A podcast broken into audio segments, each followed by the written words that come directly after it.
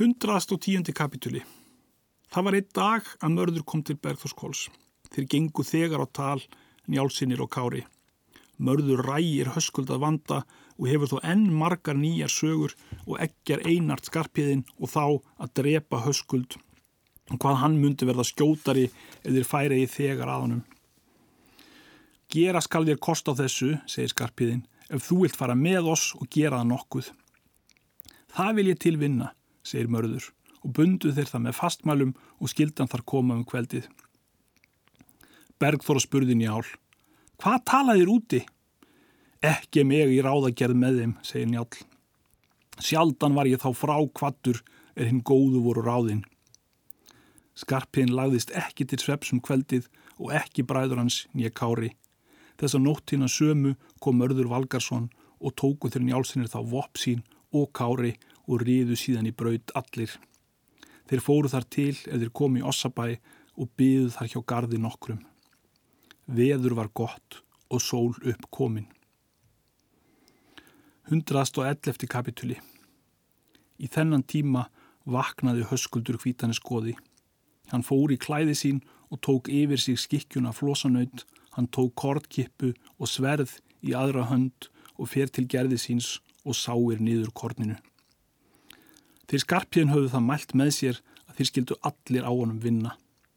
Skarpiðin sprettur upp undan gardinum en er höskuldur sáan, vildan undan snúa, þá hljóp skarpiðin að honum og mælti. Hyrðegi þú að hopa á hæl kvítanir skoðin og heggur til hans og kom í höfuðið og fjall höskuldur á nýjen. Hann mælti þetta. Guð hjálpi mér en fyrirgefi yður. Hljópu þeir þá að honum allir og unnu á honum. Eftir það mælti mörður. Ráð kemur mér í hug. Hvert er það, segir skarpiðin. Það að ég mun fara heim fyrst, en síðan mun ég fara upp til grjótár og segja þeim tíðindinn og láta illefir verkinu. En ég veit víst að þorgerði mun byggja mig að ég lýsi víinu og mun ég það gera því að þeim megu það mest mála spell verða. Ég mun óg senda mann í Ossabæ og vita hversu skjótt þau takir til ráða og mun sá spyrja þar tíðindin og mun ég láta sem ég taki af þeim tíðindin. Farðu svo með víst, segir skarpiðin. Þeir bræður fóru heim og kári og er þeir komu heim, sögðu þeir njáli tíðindin. Hörmuleg tíðindi, segir njál, og er slíkt illt að vita því að það er sannlegt að segja að svo fellur mér nær um trega að mér þætti betra að hafa látið tvo sónu mína og væri höskuldur á lífi. Það er nú nokkur vorkun, segir skarpiðin. Þú ert maður gamall og er von að þér falli nær. Egi er það síður, segir njál, en elli að ég veit gjör en þér hvað eftir mun koma. Hvað mun eftir koma, segir skarpiðin. Dauði minn, segir njál, og konu minnar og allra svona minna. Hvað spáur þú fyrir mér, segir Kári. Erfitt mun þeim veita að ganga í móti giftuðinni, segir Njál, því að þú munt öllum þeim verða drúari. Þessi eitt hlutur var svo að Njáli fjall svo nær að hann mátti aldrei óklökkvandi umtala. 112. kapituli Hildikunur vaknaði og fann að höskuldur var í brautu úr rúminu. Hún mælti Harðir hafa draumar verið og eigi góðir og leitiðir aðanum höskuldi. Þeir leituð hans um bæin og fundu hann eigi. Þá hafði hún klætta sig, fer hún þá og tveir menn með henni til gerðisins, finnaðu þar höskuld vegin. Þar kom þá og að smalamadur marðar og segir henni að þeir skarpiðin hefði farið neðan þaðan og kallaði skarpiðin á mig og líst á hönd sér víinu. Karlmannlegt verk væri þetta, segir hún, ef einn hefði aðverið. Hún tók skikkjuna og þerði þar með blóðið allt og vafði í blóðlifratnar og braut svo saman skikkjuna og lagði í kistu sína. Nú sendur hún mann upp til grjótar að segja þanga tíðindin. Þar var mörður fyrir og hafði sagt áður. Þar var ókomin ketill úr mörg. Þorgerður mælti til ketils. Nú er höskuldur dauður sem við vitum og mun þú nú hverju þú hjæst þá að þú tóstan til fósturs. Það má vera, segir hann, að ég hafi þá nógu mörgu heitið því ég ætlaði ekki að þessir dagar myndu verða sem nú eru ornir en það er mig við vandum komin því að náið er nef augum þar er ég á dóttur njáls. Hvort viltu, segir Þorgerður, að mörður lýsi víinu? Egi veit ég það, segir Ketill, því að fleirum þykir mér sem ílt leið af honum en gott. En þegar er mörður talað við Ketill, þá fór honum sem öðrum að svo þótti sem mörður myndunum trúr og var það ráð þeirra að mörður skildi lýsa víinu og búa málið að öllu til alþingis. Fór mörður þá ofan í Ossabæ. Þanga komu nýju búar þeirri næstir byggu vettvangi. Mörður hafði tíu menn með sér. Hann sínir sárin höskuldsbúunum og nefnir vottað benjum og nefnir mann til hvers sárs nema eins. Það létt hann eigi sem hann vissi hver því hefði sært en því hafði hann sært sjálfur. En hann lísti víinu á hendur skarpjæðni en sárum á hendur bræðrumanns og kára. Síðan kvattan heimann vettvangsbúa nýju til alþingis. Eftir það reyðan heim. Hann fann að er aldrei njálsonu en þó var stygt með þeim, þá er þeir fundust og var það ráðagerð þeirra. Víg höskuld spurðist um allar sveitir og mæltist illa fyrir. Þeir njálsinir fór að finna áskrim Ellagrímsson og báðan liðveislu. Þess megið er von vita, segir hann, að ég mun yður veita að öllum hinnum stærru málum en þó segir mér þungt hugur um málinn því að margir eru til eftirmáls og mælist víg þetta all illa fyrir um öll héruð. Nú fóru njálsinir heim. 113. kapitúli Maður er nefndur Guðmundur hinn ríki er bjóða möðruvöllum í eigafyrði. Hann var Eyjólfsson, Einarssonar, Auðunarssonar Rótins, Þórólfssonar Smjörs, Þorstinssonar Skrofa, Grímssonar Kampans. Móðir Guðmundar hétt Hallbera, dóttir Þóróts Hjálms, en móðir Hallbera var Reginleif, dóttir Sæmundar hins Suðureiska, við þann er kent Sæmundar hlýði skagafyrði. Móðir Eyjóls föður Guðmundar var Valgerður Runholsdóttir, móðir Valgerðar hétt Valborg, hennar móður var Jórun hinn Óborna, dóttir Ósvalds konungs hins Helga. Móðir Jórunar var Bera, dóttir Játmundar konungs hins Helga. Móðir Einars, föður Eyjóls var Helga, dóttir Helga hins Magra er nam Eyjafjörð. Helgi var són Eyvindar Östmanns, móðir Helga var Ravarta, dóttir Kjarvals Írakonungs. Móðir Helgu, dóttur Helga, var Þórun Hirna, dóttir Ketils Flatnefs, Bjarnarssonar Bunu, Grímssonar Hersis, móðir Gríms var Herfur en móðir Hervarar hétt Þorgerður, dóttir Hálegs konungs af Hálóalandi.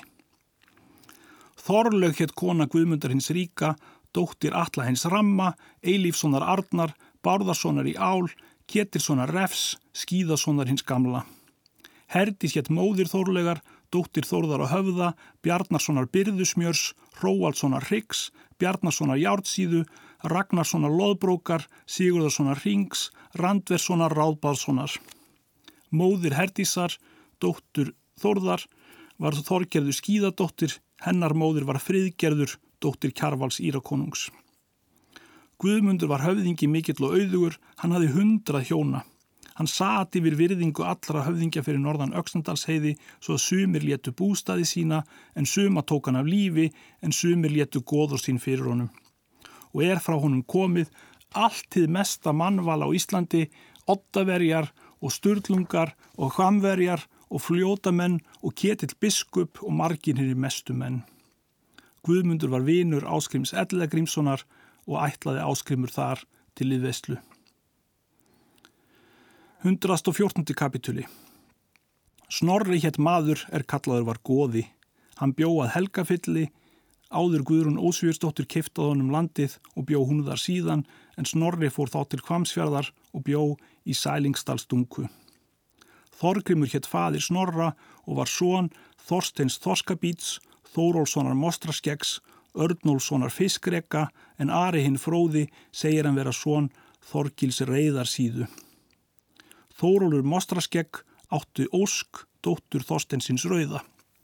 Móðir Þorgrims hétt Þóra, dóttir Óleifs Feilan, Þorsteinssonar hins Rauða, Óleifssonar hins Kvíta, Ingjaldssonar Helgasonar, móðir Ingjalds hétt Þóra, dóttir Sigurðar Orms í auga Ragnarssonar loðbrókar. En móðir Snorra Goða var Þórti Súrsdóttir, sýstir Gísla. Snorri var vinur mikill áskrims Ellagrimssonar og hugðan þar til liðveislu. Snorri var vitrastur maður kallaðar á Íslandi þeirra er eigi voru forspáir, hann var góður vinum sínum en grimmur óvinum. Í þennan tíma var þingreið mikill úr öllum fjörðungum og höfðum henn mörg mál tilbúin. 115. kapituli Flósi spyr víg höskulds og fær hann um það mikillar áhyggju og reyði og var hann þó vel stiltur. Hún var sagður málatilbúnaður sá sem hafður hafi verið eftir víg höskulds og lagðan fátt til. Hann sendi orð, halli á síðu mági sínum og ljóti síni hans að þeir skildu fjölmenna mjög til þings. Ljótur þótti best höfðingefni austur þar. Honum var það spáð ef hann riði þrjú sumur til þings og kæmi heil heim að þá mundan verða mestur höfðingi sinna frænda og elstur. Hann hafi þá riðið eitt sumar til þings en nú ætlaðan annað. Flósi sendi orð, kól Þorstinsinni og glúmi Hildi sinni hins gamla, geirleifi síni önundar töskubaks og móðólfi ketilsinni og riðu þeir allir til móts við Flosa. Hallur hétt og að fjölmenna mjög. Flosi reið þar til er hann kom í kirkjubæ til Surts Áspjarnarssonar. Þá senda hann eftir kolbeini eigilsinni bróður sinni sínum og kom hann þar. Þaðan reiðan til höfðabrekku en þar bjóð Þorgrímur skrauti, són Þorkels hins fagra. Flosi baðan ríða til alþingis með sér en hann játti ferðinni og mælti til Flosa. Oftar hefur þú fyrir verið gladar en nú bondi og er þó nokkur vorkun á að svo sé. Flosi mælti, það hefur nú víst að höndum borið að ég myndi gefa til mína eigu að þetta hefði eigi framkomið er og yllu kortni sáð orðið enda mun yllt af gróa. Þaðan reyðan yfir Arnarstagsheiði og á sólheima um kveldið þar bjó loðmundur Úlsson en hann var vinur mikill flosa og var hann þar um nóttina en um morgunin reyði loðmundur með honum í dal og voru þar um nótt. Þar bjó Runolfur, són Úls örgóða. Flosi mælti til Runolfs. Hér munum við hafa sannar sögur um víg höskulds kvítanis goða. Ert þú maður sannorður og komi nær frétt og muni því trúa öllu er þú segið mér frá hvað til saka hefur orðið með þeim. Runolfur mælti. Ekki þarf það orðum að fegra Hann hefur meir en saklaus vegin verið og er hann öllu mönnum harmdauði og þykir engum jafn mikið sem njáli fóstra hans. Þá mun þeim verða ílt til liðveislumanna, segir Flósi. Svo mun það, segir Runúlur, ef ekki dregur til. Hvað er nú aðgjört, segir Flósi. Nú eru kvattir búar, segir Runúlur, og líst víinu. Hver gerði það, segir Flósi. Mörður Valkarsson, segir Runúlur. Hver tryggt mun það, segir Flossi. Skildur er hann mér, segir Runolfur, en þó mun ég satt frá segja að fleiri hljóta vonum ílt en gott. Þess vil ég nú byggja þig, segir Runolfur, að þú gefir ró reyði og takir það upp að minnst og andraði hljótist af því að njálm mun góð bóð bjóða og aðrir henni bestu menn. Flossi mælti. Ríðu til þings Runolfur og skuli mikið stóða orðin við mig nema til verra drægi um en vera skildi. Síðan hættaði talinu og hétt Runúlur ferðinni. Runúlur sendi orð hafri hinnum spaka frændi sínum, hann reið þegar til hans. Flósi reið þaðan í Ossabæ. 116. kapituli Hildigunur var úti og mælti. Nú skulu allir heimamenn mínir vera úti er flósi rýður í garð, en konur skulu ræsta húsin og tjálta og búa flósa öndvegi. Síðan reið Flossi í túnið. Hildigunur snýrað honum og mælti.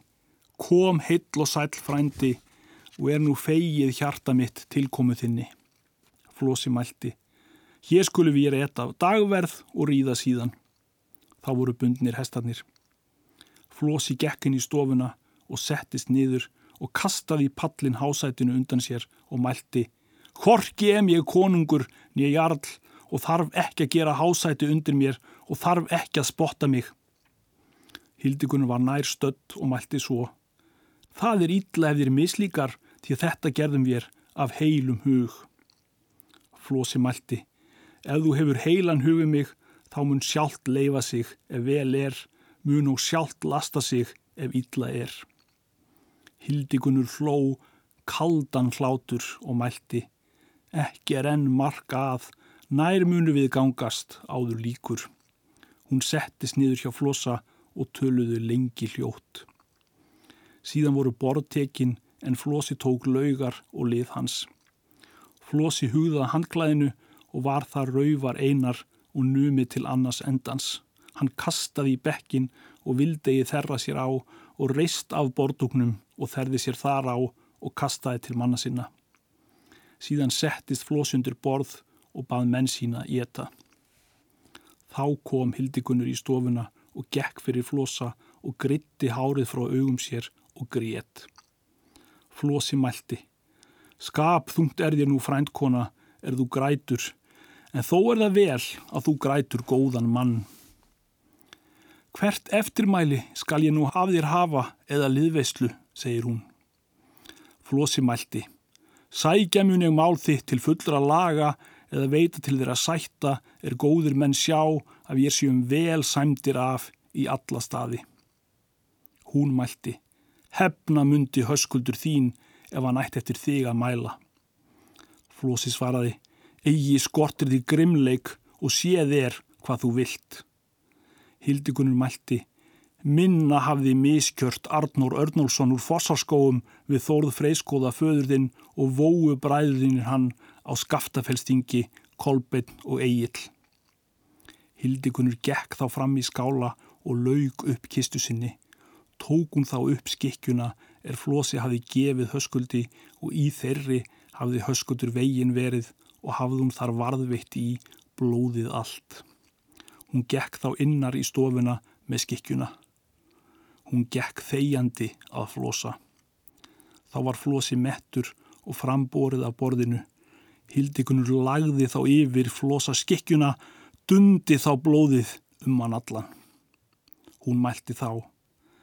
Þessa skikju gafst þú flosi höskuldi og gef ég þér nú aftur.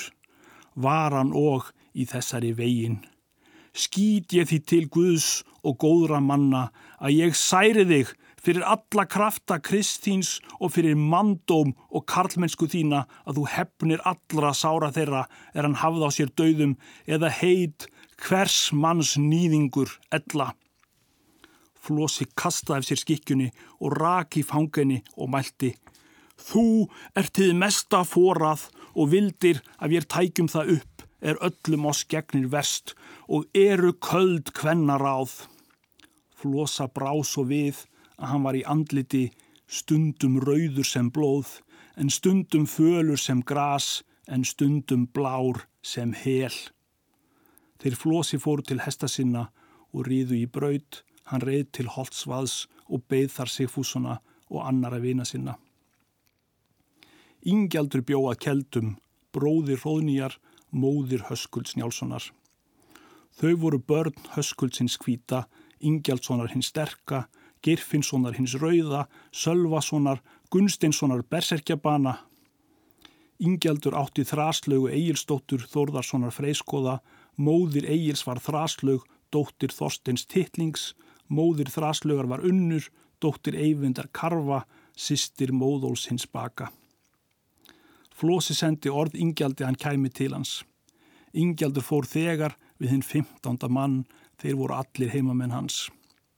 Ingjaldur var mikill maður og sterkur, fálátur var hann jafnan heima og hinn röskasti karlmaður og fétrengur góður við vini sína. Flósi fagnaði Ingjaldi vel og mælti til hans. Mikil vandrað eru komin að henda oss máur og er nú vant úr að ráða. Byð ég þig þess að þú skiljist eigi við mitt mál fyrir en líkur yfir vandraði þessi. Ingjaldur mælti. Við vandum mig umkomin fyrir tengdasakir við njál og svona hans og annara stóra hluta er hér harfa í millum. Flósi mælti. Það ætlaði ég, þá er ég giftið þér bróðurdóttur mína að þú hétir mér því að veita mér að hverju máli. Það er ólíkast, segir Ingjaldur, að ég geri svo en þó vil ég nú heimriða fyrst og þaðan til þings. 117. kapituli Sigfúsinir spurðu að Flósi var við Holtzvað og riðið þanga til mótsviðan og var þar Ketillur Mörk og Lambi bróður hans, Þorkjell og Mörður og Sigmundur Sigfúsinir, Lambi Sigurðarsson og Gunnar Lambasson og Grani Gunnarsson, Viebrandur Hámundarsson. Flósi stóð upp í móti og fagnaði um gladlega. Þeir gengu fram að áni. Flósi hafði þeim sannar sögur og skildi þá ekki á og runur í dal. Flósi mælti til Ketils úr mörg. Þig hveð ég að þessu. Hversu harðsnúin ertu á þetta mál eða aðri sigfúsinir? Ketil mælti, það vildi ég að sættir yrðu í meðalvor, en þó hef ég svarið eigða að skilja stegi við þessi mál fyrir en yfir líkur með nokkru móti og leggja líf á. Flósi mælti, drengur ertu mikill og er slíkum mönnum all vel farið. Þeir tóku báðir send til orða Grani Gunnarsson og Gunnar Lambasson. Sektri viljum við að framkomi og mannráð. Flósi mælti, eigi er ráðið að bæði sé að við er kjósum og deilum. Grani mælti, það var mér þá í hug er þeir drápu þráin við markarfljót en síðan höskuld svonans að ég myndi aldrei sættast við á heilum sáttum því að ég vildi vera þar gjarna er þeir varu allir drefnir. Flósi mælti, Setið hefur þú svo nær að þú mættir þessa hemt hafa ef þú hefðir til þess þreg og karlmennsku. Þykji mér sem þess byggir þú nú og margur annara er þú myndir mikið fér til gefa er stundir líða að þú hefur eigi orði viðstatur. Sé ég það gjörla þó að við dræpum njál eða sonu hans þá eru þeir svo mikilsáttar menn og stórættaðir að þar mun svo mikið eftirmál verða að við erum munum fyrir margs manns knie ganga verða og byggja oss liðsinnis áður við komum oss úr þessum vanda. Megi þér og svo til ætla að þeir munu margir snöyðir verða er nú eiga stór fjö en sumir munu láta bæði fjöð og lífið.